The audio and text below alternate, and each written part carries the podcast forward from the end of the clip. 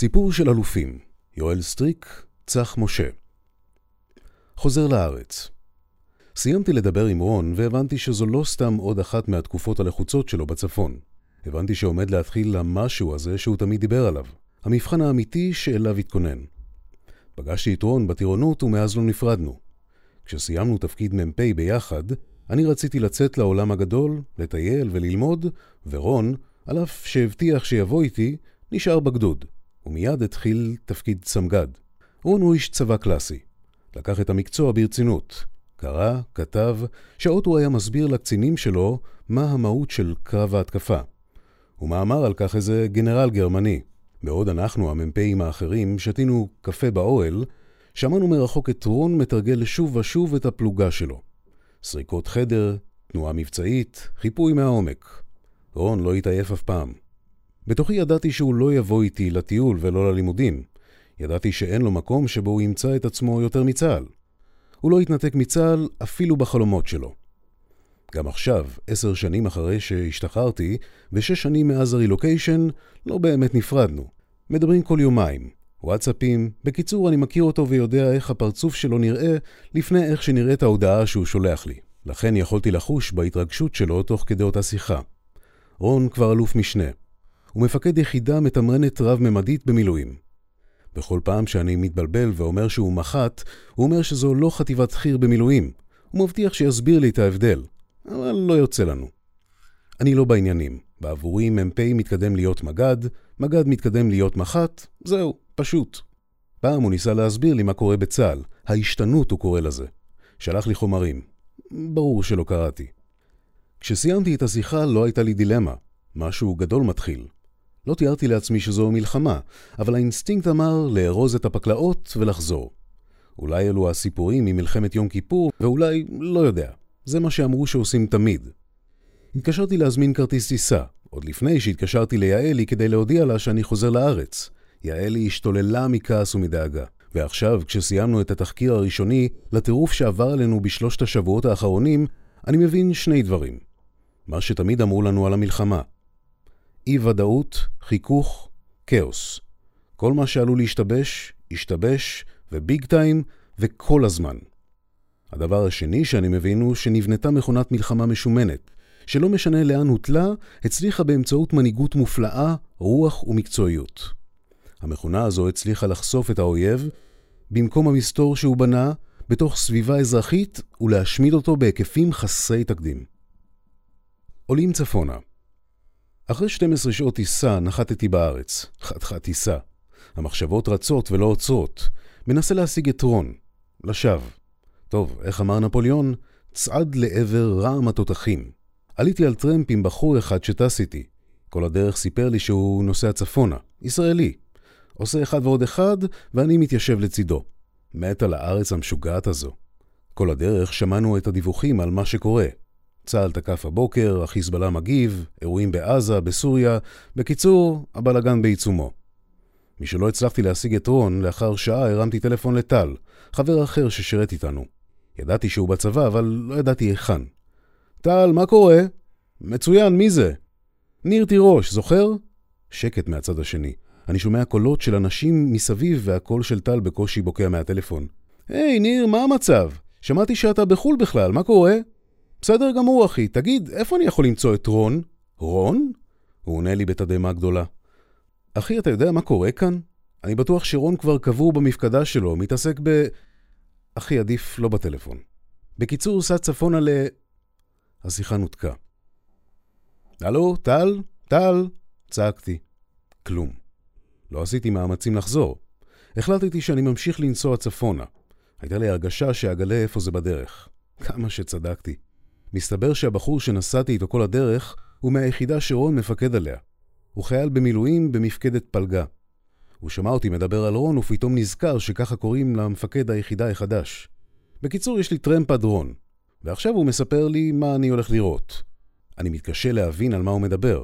הוא מספר לי על מפקדה תת-קרקעית, כולם יושבים ביחד. הוא אומר שמפקדת היחידה יושבת יחד עם המפקדה של הפלגות שלה. ניסיתי להישמע מעודכן, הרי אני מ"פ בצבא שמדבר פה עם חייל. ברור, כולם יושבים ביחד כדי שיוכלו לשלוט טוב יותר בקרב. ראיתי שהבחור קצת נבוך. המשכתי. גם כדי שיהיה אפשר להפעיל את האש על העיטורים של המודיעין, ברור, ברור. ראיתי אותו מנסה לעצור בנימוס את ההרצאה המלומדת שלי. ואז הוא אמר בנימוס, אני מתכוון שיושבים ביחד מהאוגדה ועד היחידה, כמו WeWork. כאילו כולם, גם אנשים מתוך היחידה וגם אנשים מזרועות אחרות, וגם אפילו כאלה על אזרחי. אני לא יודע כל כך מה כולם עושים, אבל בקיצור, תראה כשנגיע. התקרבנו. ממש קרוב אלינו יכולנו לשמוע שריקות ונפילות רקטות. העניינים התחממו מהר, הכל הופך למאוים, ואני ללא ציוד וללא מיגון. אזעקות ומרחבים מוגנים, וואלה, שכחתי את זה. שנים. הגענו. בשנייה שאני יורד מהאוטו אני שומע צעקה. ניר! אני מרים את הראש ואני רואה את דן, אחד הלוחמים הכי טובים שהיו לי כשהייתי מ"פ. הוא הגיע לפלוגה לקראת סוף התפקיד שלי, התחברנו מיד, ולקחתי אותו אליי לחפ"ק. מרגע שהגיע הוא לא הפסיק לבקש להתחיל קורס טיס. מיד כשהוחלפתי הוא זכה לכך, והזמין אותי אחר כך למסדר הכנפיים שלו. הוא היה טייס קרב, ואחר כך רב סרן במטה של חיל האוויר. התנתקנו מזמן, המרחק והחיים, אבל תמיד הרגשתי שיש בינינו חיבור אמיתי. מה קורה איש? מה אתה עושה פה? שאלתי. מה אני עושה פה? הוא ענה בשאלה. מה אתה עושה פה? הסברתי לו את השתלשלות העניינים, שלא יכולתי להיות בבית כשזה קורה. הייתי חייב לבוא, ובגלל שאני כבר לא משובץ במילואים, החלטתי להגיע למפקדה של רון, לראות מה ואיך אני יכול לתרום. אבל אתה בחיל האוויר, הוספתי. יותר מוזר שאתה תהיה פה מזה שאני אגיע מחו"ל להילחם פה. דן צחק. אתה אנטיקה, אחי, ממש. זה כבר לא ככה פה. מרבית הקצינים לא נשארים בזרוע שלהם לאורך זמן. הם עוברים לתפקידים בלחימה ובמפקדות, במיקומים אחרים. אחי, זה לא מה שהיה פה כשסיימנו תיכון. עוד מעט ניכנס פנימה למפקדה ו... רגע, למה עוד מעט? שאלתי. אני רוצה להגיד לרון שאני פה ולהיכנס לעניינים. עכשיו לא נכנסים פנימה. המפקדה התחילה כבר לעבוד. אתה יודע למה אני מתכוון. הנענתי בראש, ולא היה לי שמץ של מושג על מה הוא מדבר. שום דבר עדיין לא קורה. חטיבת מילואים, סליחה, יחידת מילואים שהחיילים שלה רק מתגייסים, למפקדה שלה אין נגמ"שים, היא במבנה בטון, יש רק טפטוף של טילים, ועכשיו דן אומר לי שהיא עובדת? על מי הוא עובד בדיוק? אני לא רואה אף חייל בסביבה. מה קורה פה? לא ענית לי, אמרתי לדן. מה אתה עושה פה? אני מפקד צוות אוויר בצוות האש בחפ"ק של רון. אני בלימודים עכשיו, ובקיץ אני אפקד על טייסת. בשלוש השנים האחרונות אני ביחידה הזאת בהצבת חירום. לא הבנתי. אתה נמצא עם רון בחפ"ק ואתה עושה מה? מה זאת אומרת מה? עושה בדיוק מה שקצין אוויר סופה צריך לעשות, גיחך דן. נותן בראש. תוקף באש, תוקף כל מיני דברים אחרים, מקצה אש לפלגות. בקיצור, כל מה שבא מהטווח הוא מסייע ליחידה. הוא עבר לדום מתוח ודפק על החזה. זה אני והצוות שלי. אני כבר התרגלתי בשעתיים האחרונות להנהן בראש, ולראות כאילו יש לי מושג על מה הצמד המשוגעים פה מדבר, רגע לפני שאני מאבד את זה לגמרי. תגיד, פתאום הבריק לי רעיון, יש מקום פנוי בחפ"ק של רון? השתגעת? כמה זמן לא נלחמת? אחי, מה אתה צריך את זה? להיכנס איתנו פנימה? אתה יודע שמרגע שאנחנו הולכים, אם הולכים בכלל, אנחנו לא חוזרים למפקדה. הסתכלתי על דן. הוא הכיר את המבט שלי. עוד מהתקופה שהיינו צמודים ביחד. המבט שאומר הכל. זה שצף לפני מבצעים ולפני פעילויות בסיכון גבוה. המבט של מגש הכסף של המדינה. בוא נלך לאפסנאות, נחתום על ציוד, אמר דן. פתאום ראיתי אנשים רצים לתוך המפקדה, קצינים וחיילים, מדים כחולים, כומתות ירוקות, אזרחים שהגיעו ועוד. עדיין אי אפשר לראות את רון? אי אפשר להיכנס איתם? מה קורה כאן? מה פתאום? לא עכשיו, זה יפריע. עכשיו יתחילו תקיפות. איזה תקיפות? אחי, עצור רגע. תסביר לי מה קורה כאן לעזאזל. דן הבין שצריך לשבור את הדיסטנס שיש בין חייל לבין המ"פ שלו, ולעבור לצד של המדריך, ובחיוך הנצחי שלו אמר, אני יודע איפה נתקעת. אתה עדיין זוכר את התדריכים שהייתם נותנים לנו. ברגע שקוראים לכם צריך להגיע מהבית, הולכים להתארגן, המפקדה בינתיים מתארגנת, מתחברת לעולם, אף אחד לא מצפה ממנה לעשות משהו עד שממש יוצאים כולם להילחם. אתה זוכר שהקמת מפקדה זה עניין של יום שלם. אצלכם מפקדה הייתה כמעט חד-חילית. זה כבר לא ככה. פתאום שמתי לב שאני מקשיב לו ומתחיל להבין מה קרה פה בעשר שנים האחרונות. הוא המשיך. המפקדות שלנו היום פועלות במצב שינה כל הזמן. הן כל הזמן מחוברות האחת לאחרת. להקים מפקדה זה להרים סוויץ' ולהתחיל לעבוד, כאילו כבר באמצע המלחמה. יש לך את כל המודיעין, יש לך את כל אמצעי התקיפה שהקצו לך, המפקדה של רון היא מהמנוסות ביותר. החבר'ה פה מבינים שעבודה קשה שלהם עכשיו תאפשר לנו להשלים את המשימה הרבה יותר בקלות ברגע שנחליט להסתער פנימה. רגע, עצרתי אותו משטף הדיבור. אולי גם בגלל שהרגשתי נבוך שהחייל שלי מסביר לי איך הצבא עובד. אם רון עובד עכשיו, אז מה הדרגים מעליו עושים? חבורת בטלנים, אמרתי לעצמי בלב, אף פעם בדרגים האלו לא עשו כלום. המפקדות האחרות הן שמאפשרות למפקדת היחידה לקבל אמצעי תקיפה, מודיעין, תקשוב, סייבר, מאפשרות לה לעבוד בכל הממדים ולפגוע באויב. הוא המשיך בהרצאה ומהשנייה שהוא אמר ממדים כבר הפכתי אדיש לגמרי. האויב שלנו חשב שהוא יוכל להסתתר בטווח התת-קרקעי ולהמשיך לראות עלינו נ"ט ומרגמות ועוד. אז פיתחנו עוד יכולות, והגברנו את קצב המבצעים. אני אומר לך שהוא הולך להשתכנע שחבל שהתחיל. האפסנאי התקרב אלינו בהליכה שקטה יחסית. בכל זאת היינו במקום מוגן. מה אתם צריכים, חבר'ה? ואיך שהרמתי את הראש, התנפל עליי בחיבוקים בישדרובסקי, האפסנאי הבכיר של החטיבה. אני לא מאמין, חיים? צעקתי. מה קורה, קצינוס? זה היה הכינוי שהוא הדביק לי כששירתנו ביחד. הוא היה חייל באפסנאות ואני הייתי לוחם. הכל טוב, חטא, הכינוי שלו. באתי להילחם. אפשר ציוד? אני הולך להיות קשר בחפ"ק של רון. נכנסתי למחסן. הבחור של חיים נתן לי את הציוד. הסתכלתי על תיק הציוד, דן שעמד לידי הבין את המבוכה והתחיל להסביר לי איך להרכיב את הדברים. הלכנו על נשקייה, קיבלתי נשק עם כוונת שיוצאים ממנה כל מיני חוטים. זה יחבר לך את המודיעין לכוונות, אמר לי דן והצביע על הכוונת המוזרה. כשתרים את הנשק תראה את כל האויב הוודאי, ואם הוא בטווח הרלוונטי גם תוכל לפתוח באש, אם רון יאפשר לך. תוכל גם להעביר מטרות אם תרצה. ומה יקרה עם המטרה שאעביר? שאלתי. זה תלוי, אם נחליט שזה חשוב. נבין שזה יכול להיות אויב, ורון יאשר את זה, אז בלחיצת כפתור שלי אני אוכל אולי לתקוף את המטרה הזאת. קוראים לזה מרכז אש. ובאותה שנייה הרגשתי תפיחה חזקה על הצוואר. היה לי ברור במי מדובר. אחי היקר, אמר רון, גם אם היית מתקשר פעם אחת הייתי חוזר. אין צורך להתקשר 23 פעמים ולשלוח 6 הודעות. התגלגלנו מצחוק. לא ענית, רציתי להגיד שאני מגיע. שתכין את השטיח האדום ושתחצח נעליים, עניתי. טוב, אז אתה בא איתי, אני מניח. הוא נראה טרוד, אבל ניסה לשדר רוגע. עליי זה לא עבד. יאללה, תעלו על הכלים. דן, אנחנו מוכנים? כן, יש מקום אפילו לאלוף החדש. ברור, ענה רון. הייתי לוקח אותו בכל מחיר. יוצאים לקרב. ביסוס הם קוראים לזה. תוך כדי נסיעה רון פותח את הטאבלט, ובעודו משוחח עם צוותי החשיפה הקדמיים, אני מזהה את הבליפים האדומים במרשם הקרב. מפקדת היחידה כבר חושפת ותוקפת אויב מזה כמה שעות במרחב הלחימה שלה. הולך קשה, צועק לנו רון, ותוך כדי מדבר עם מפקדי הפלגות בטלפון ומנחה אותם איפה נפגשים. היחידות הסדירות כבר נמצאות שעות ארוכות בלחימה, וחלקן כבר מתקדמות לעבר היעדים. אני לא מאמין, הם יצאו לדרך כל כך מהר? וואו. זאת המהירות שתשרת את התחבולה שלנו. זה בדיוק מה שאנחנו צריכים.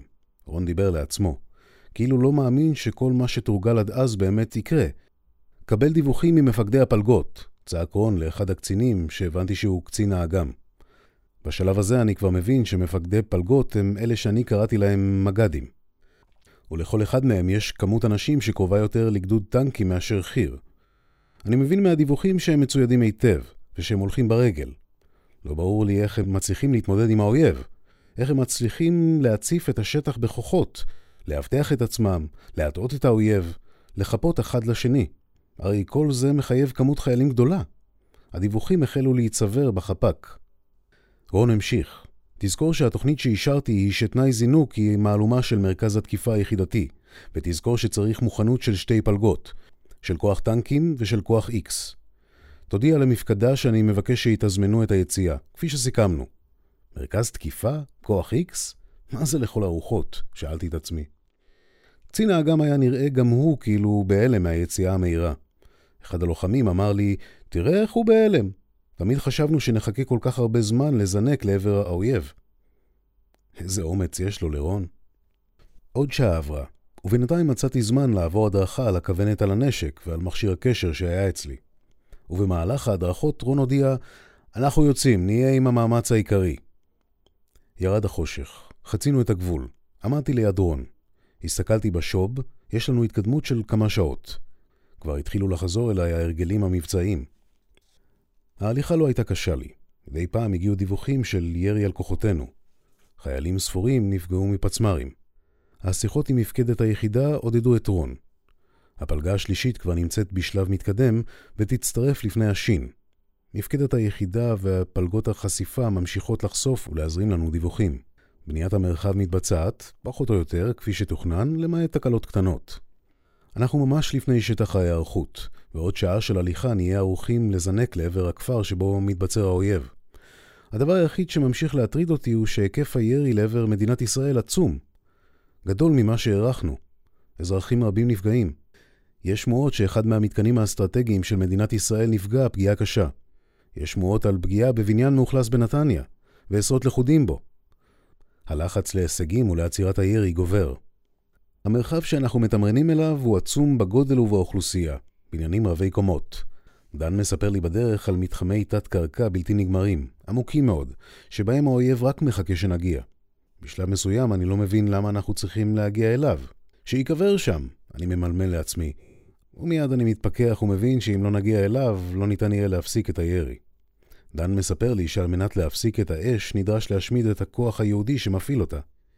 אם רק נתמרן למקומות הנכונים, כוח X, נשמע כמו כוח סודי, ידע ליצור יתרון. הבנתי שזה לא הזמן לקבל תשובות לגבי כוח X, אבל הבנתי שגם זה הכוח המיוחד של היחידה. האויב מתבצר בתוך השטח הבנוי שבו נלחם, והוא יורה משם עשרות רבות של טילים מאז התחילה הלחימה. תמונת המודיעין מפתיעה אותי, גם בדיוק שלה, אבל גם בכמות האויב שנמצאת בתוך מרחב הלחימה. שינוי משימה. זה לא מה שהיה. זהו, אנחנו נמצאים עם החוד היחידתי, קצת מאחוריו. אנחנו חצי שעה הליכה מקו ההתחלה. רון כבר מתחיל להתכונן לתצפית המפקדים. קצין האג"ם מקבל דיווחים אחרונים מהמפקדה, ואחרי חמש דקות של שקט מוחלט, נשמע הדיווח בקשר, שיהרוס את כל מה שתכננו. קודקוד כאן סיפון, ראש מטה החטיבה. יש כמה דיווחים שצריך לבדוק עם שתיים.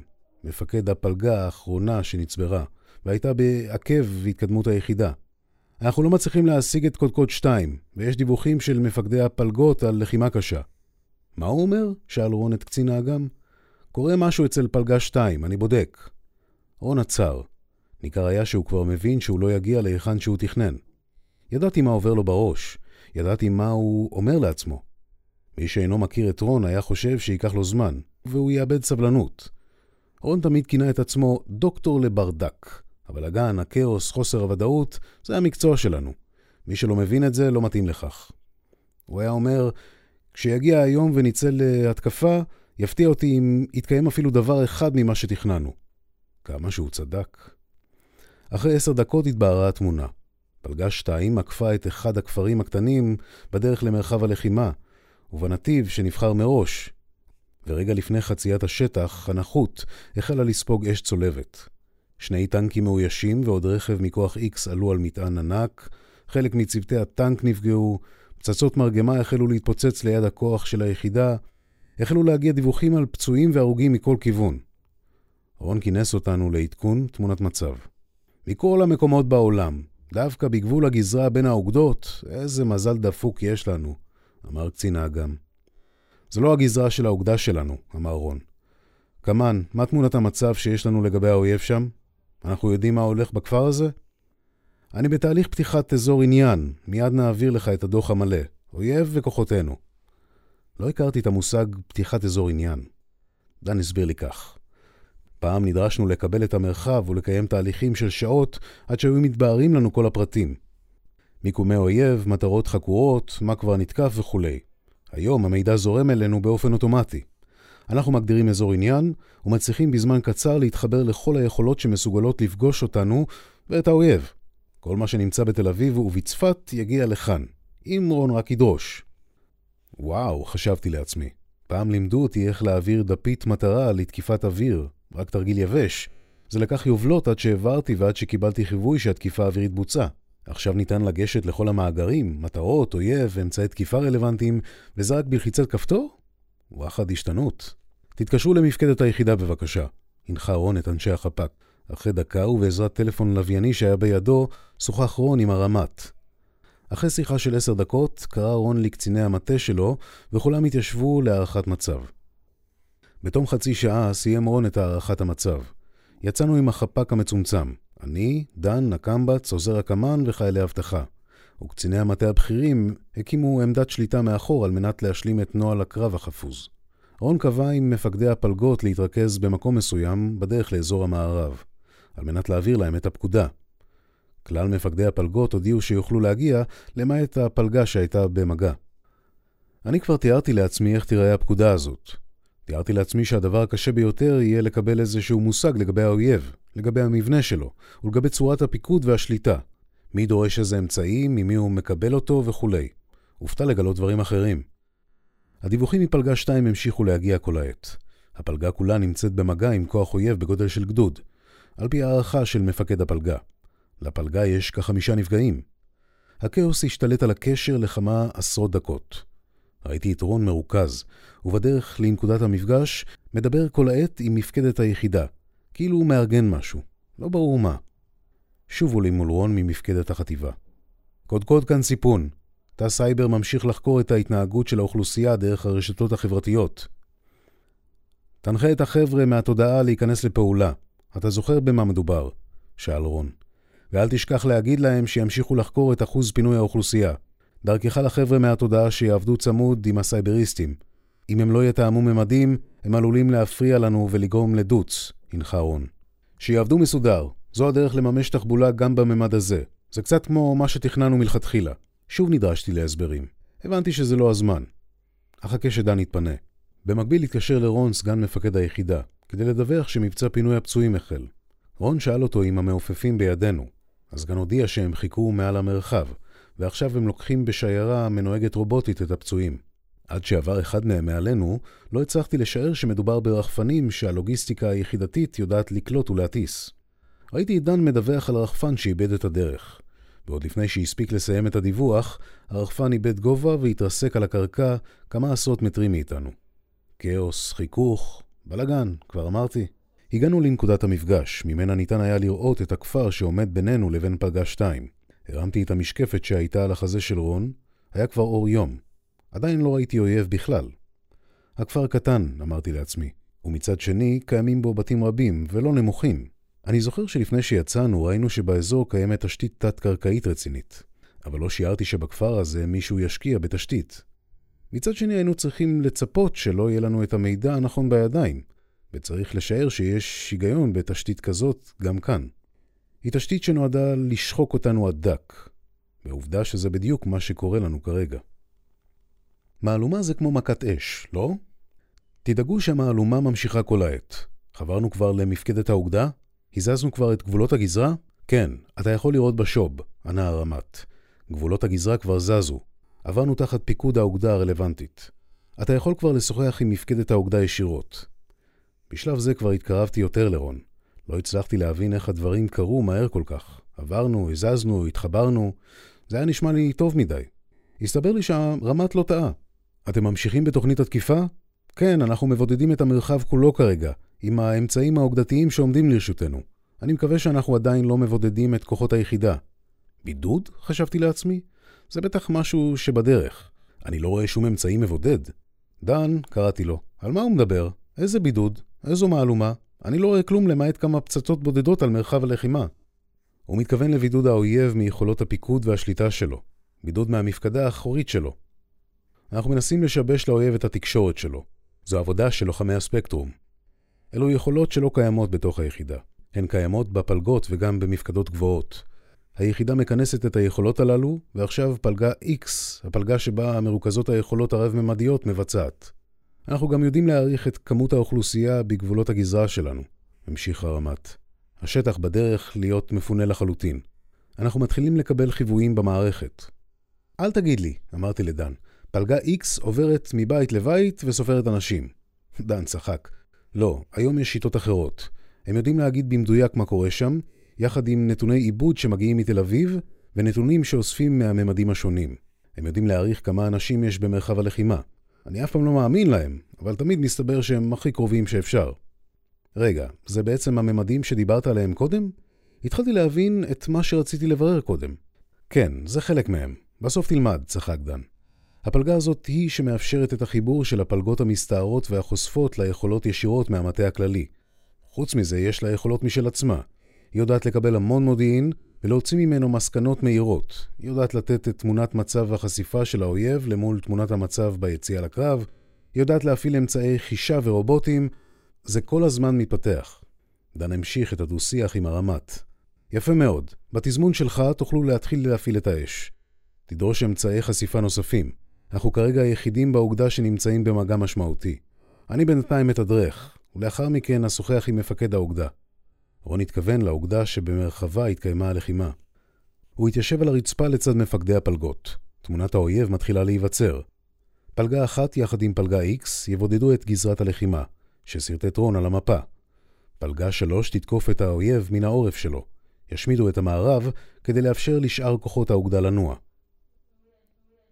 הסתערות. הרי בשביל זה המציאו אותנו. נכנסנו להתקפה יחד עם פלגה 3. משימת הפלגה הייתה השמדת האויב, ולכן בשלב הראשון ישב דן יחד עם קצין האוויר של צוות האש. הם קראו לו צוות סופה, ותכננו את המהלומה יחד עם קצין הדיגיטל היחידתי ממפקדת הפלגה. ופתאום, עם ההכרזה של מפקד פלגה 3, נזכרתי בתיאור של אריק שרון להתקפה על מתחם אום כתף. נזכרתי שהוא אמר למפקד אגד התותחנים, תדאגו שהאדמה תרעד. האדמה באמת רעדה. דן היה עסוק. נצמדתי לעוזר הקמן. מה קורה? שאלתי אותו. תסתכל על המסך. לא הבנתי למה בעת ההפצצה אני אמור להסתכל במפה. פתאום ראיתי איך בזמן אמת מתחילים להיווצר ניצנים של חיוויים אדומים. איך מישהו בכלל מתחיל לעסוק בחשיפה תוך כדי ההפצצה הזו. זו פלגה X שעושה את זה? הפעם הם רק מרכזים את הנתונים ומנסים לכנס אותם לכדי תמונת מצב. עוד מעט ישודרו אלינו התובנות ממה שקורה עכשיו. המהלומה הסתיימה ושוב מדברים על חשיפת אויב. הפלגות בקווי הזינוק מדייקים את היעדים, הודיע עוזר הקמן. זינקנו קדימה, אני ורון יחד עם הפלגה. הוא היה כולו מרוכז בקרב. קשה היה להחמיץ את זקיפות קומתו ואת ביטחונו של מפקד הפלגה, כאשר הבחין שרון הולך לידו. מה העניינים, יואב? שאל רון את מפקד הפלגה. מיד נשפכים לשטח הבנוי, החבר'ה שלי מדייקים את תמונת המצב ומפעילים את כל האמצעים כדי להתמודד עם המלכודים בפאתים. לרון היה ניסיון רב. הוא נלחם ומתרגל לחימה מגיל 18. הוא התבונן במפקד הפלגה והפציר בו. לא. הכוח של הפלגה אמנם לא גדול כמו גדוד, אך עשיר באמצעי תקיפה. אנחנו כבר במגעים עם היעדים. כוח ההנדסה על הנמר מוכן, מודיע קמב"ץ הפלגה למפקד. דן מסביר שהם עכשיו יעיפו חימושים רקטיים. תצפית אחרונה, וכבר יוצאים, צעק מפקד הפלגה. אדרנלין בשמיים. נראה לי קצת מוזר. דקות בודדות לפני ההתקפה, רון ומפקד הפלגה עדיין מדייקים את היעדים. רון, ולידו מפקד הפלגה, מרים את הטלפון ומדבר עם קצין האג"ם ועם הרמ"ט. נראה שאני מבין מה הדפה שעומדת להתממש.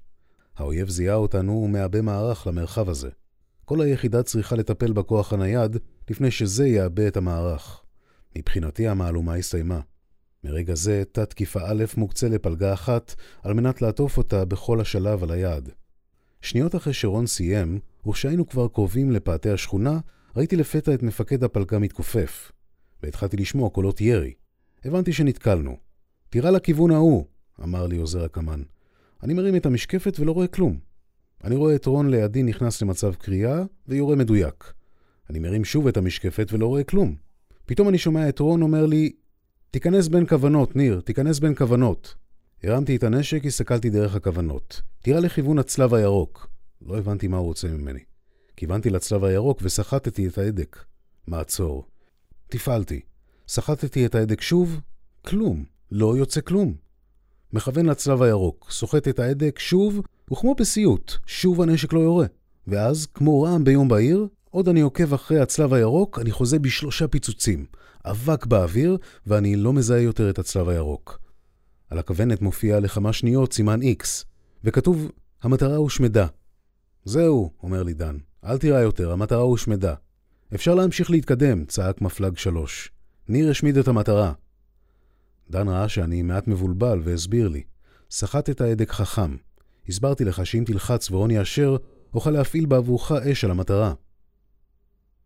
עצרו רגע, מה היה בשטח הבנוי? במקום להמשיך לספר עוד ועוד חוויות, הרי אין לזה סוף, אני רוצה לעצור כאן ולשתף אתכם בתובנות שלי מהלחימה על היעדים. זאת הפעם הראשונה שאני בקרב אמיתי. ראשית אספר שהופתעתי מההתנגדות של האויב. הם חיילים מקצועיים, והם ידעו מה הם עושים. למרות זאת, הופתעתי מאוד מכושר הקטילה של כוחותינו. רק עכשיו אני מצליח לעכל את מה שלא הבנתי כלל במהלך אותם שבועות. באמת נבנתה כאן מערכת רב-זרועית מרשימה. אני לא יכול להפריז בעניין הזה שכולם מחוברים לכולם, אבל עדיין יודעים לעבוד פה. גם כשהיחידה נמצאת בנתק, גם כשאין חיבור ברשת. הפלגות המתמרנות מזכירות גדודים, אך יכולת ההשמדה שלהן אינן דומות למה שאני זוכר מהתקופה שלי. כל מה שהיה לנו בגדול, אלו כוונות ברזל. אני זוכר שאמרו לנו שעובדים על הקטלניות. עכשיו הבנתי למה התכוונו.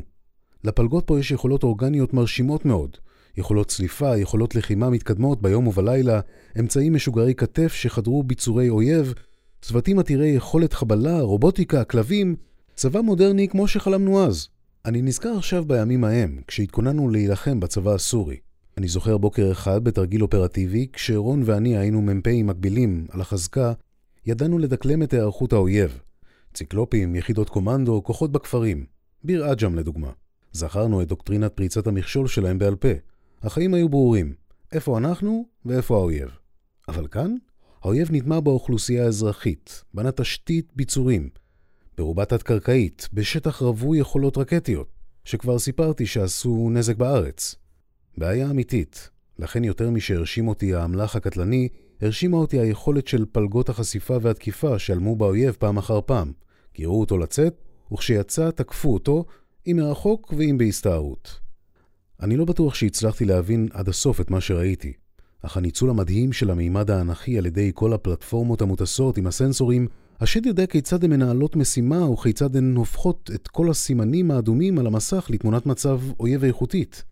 אני זוכר את העבודה בין צוותי פלגת חשיפה תקיפה, חת"ק א', לפלגה שאיתה הייתי באחד מקווי הזינוק לפני ההתקפה. לשם השריקה עף על הלהקה של רחפנים במבנה. הרחפנים הצליחו להביא מידע על כל האויב שנמצא במרחב שבו טסו, וליצור תמונת מצב מטרות. בשנייה שהמידע הגיע בשוב, היה מרשים לראות את המקצועיות של המפקדים ושל הלוחמים מסתערים על היעדים המדויקים, תוך הפעלת אש מחפה שהייתה קרובה אלינו מטרים ספורים, מטחים מדויקים מזוויות שונות על המטרות, ועוד יכולות שעדיף שנדבר עליהן פנים אל פנים. הייתי במלחמה, אבל זה לא מה שדמיינתי. הוגש בפניכם סיפור שפרטיו בדיוניים, אך הוא אמיתי לגמרי, בתוכנו בכל הקשור לחשיבותו של התמרון הרב-ממדי בתפיסת ההפעלה של צה"ל. ואם יתקפו האחד, השניים יעמדו נגדו, והחוט המשולש לא במהרה ינתק. כתב כאלת. שואל הנביא עמוס, ההלכו שניים יחדיו בלתי אם נועדו? ללמדנו כי האיכות טמונה בשילוב המרכיבים ובתמיכת הרכיבים האחד בכל השאר, וכולם באחד. לכל זרוע יש נטייה להתאגרף ביד אחת. המודיעין שואף לעליונות במידע ועמל רבות על מנת לדעת. זרוע האוויר ממוקמת בהשגת עליונות אווירית להספקי תקיפה ומהלומות. ועד לא מזמן היה הסלוגן של היבשה, רק היבשה תכריע. זו כבר איננה הדרך לנצח במלחמות מודרניות. כולם נדרשים להתחבר לכולם. בנאומו בפני דיוויזיית השריון השנייה, ב-8 ביולי 1941, אמר גנרל פטון, אם תזמורת הייתה מנגנת יצירה תחילה בפיקולו ואחר כך בקרן יער, לאחר מכן בקלרינט ולבסוף בחצוצרה, הדבר היה יוצר רעש רב, אך לא מוזיקה. כדי להשיג הרמוניה בקרב, על כל כלי נשק לתמוך בכלי הנשק האחרים. טבע המלחמה לא השתנה, אך אופייה השתנה לאין ארוך. במערכה עתידית יחתור האויב לטלטל את תפיסת הביטחון של מדינת ישראל על ידי פגיעה בתשתיות אסטרטגיות, בריכוזי אוכלוסייה ובסמלי שלטון. האויב ינסה לחדור ולכבוש שטחים, גם אם מוגבלים, בדרומה ובצפונה של מדינת ישראל. הנרטיב שלפיו צה"ל איננו מגן, איננו מרתיע ואיננו מכריע, ישמש את צבאות הטרור מפתיחת המערכה. כמענה לאסטרטגיה זו התגבשה בצה"ל תפיסת הניצחון, וכחלק ממנה תפיסת התמרון הרב-ממדי, בחוכמה, ביסוס, חשיפה, כינוס, מהלומה, הסתערות. זאת, בשלמות עם ההגנה ועם המהלומות הרב-ממדיות, נועדה לקצר את משך המלחמה, להעצים את הישגי צה"ל ולצמצם את המחירים לצה"ל ולמדינת ישראל. זאת על ידי יצירת מכונת מלחמה שתשלול מהאויב יכולות בקצב גבוה. תפיסה זו נועדה לתת מענה לאתגרים האופרטיביים בגזרות השונות, בדגש על צבאות הטרור ובדגש על לבנון ועזה. בזירות אלו, השטח הבנוי התרחב ונעשה לרצף אורבני. האויב בנה את מרבית יכולות האש בשטחים הפנויים, והוא עתיד להפעיל אותן ביעילות רבה לעבר עורף מדינת ישראל ולעבר התמרון הצפוי. השטח הבנוי, על כל ממדיו, אלו שמעל הקרקע ואלו שמתחתיה, הפכו אותו למרחב מבוצר המהווה תיחום אש ומלכודת לכוחותינו. האויב נחשף לפרקי זמן קצרים הנדרשים לו כדי לראות, עובדה שהפכה את חשיפתו ואת השמדתו לאתגר הגדול ביותר בעבור התמרון. שני פערים עקרוניים התהוו ביכולות התמרון של צה"ל. האחד קשור ביכולתו של התמרון לתת מענה לאתגרי התמ"ס בזירות השונות. האחר הינו לשלול יכולות במרכזי הכובד בקצב גבוה וברצף מבצעים. בליבת תפיסת ההפעלה של התמרון הרב-ממדי ניצבים הרעיונות של כינוס, הנגשת יכולות לקצה המבצעי, כושר חשיפה מוגבר של מרכזי הכובד של האויב על ידי מפקדות ועל ידי היחידות בקצה, על מנת שניתן יהיה להלום בו ולשלול את יכולותיו גם מרחוק וגם באמצעות תמרון מהיר, שריד, תחבולני וקטלני. טכנולוגיות מדור 4 ו-5 מאפשרות את מימוש התפיסה בקצב מהיר ובאופן שממצה את יתרונותיו היחסיים של צה"ל. מכאן שתפיסת התמרון הרב-ממדי שמה דגש על ארבעה מרכיבים עיקריים. 1. רב-זרועיות, המאפשרת להפעיל את התמרון בכל הממדים וכנגד כלל ממדי הפעולה של האויב. 2. כושר חשיפה מוגבר על ידי הכוח בקצה ויכולות המונגשות לכוח בקצה. 3. כושר השמדה מוגבר המבוסס על יכולות ארגוניות ומרחביות. 4. שרידות הנגזרת מאופי הפלטפורמות ושיטות הלחימה, וכן על סעיפים 2 ו-3 לעיל. בהתאם, מערכת הפרו של התמרון צריכה להיות מתקדמת, רב-זרועית ומאופיינת בקישוריות גבוהה וברשתות המאפשרות רב-זרועיות במפקדות וביחידות הקצה. מערכת זו יכולה להגביר כושר חשיפה מהמפקדות ומהקצה המבצעי, ולאפשר מיצוי הזדמנויות המושגות על ידי חישה, היתוך והנגשה של המידע למשתמש הרלוונטי. כושר כזה יוכל להגביר את הקטלניות של הכוחות בכל הדרגים, גם באמצעים אורגניים בכוח וגם באמצעים מן התווך. זאת התמצית של תפיסת התמרון הרב-ממדי.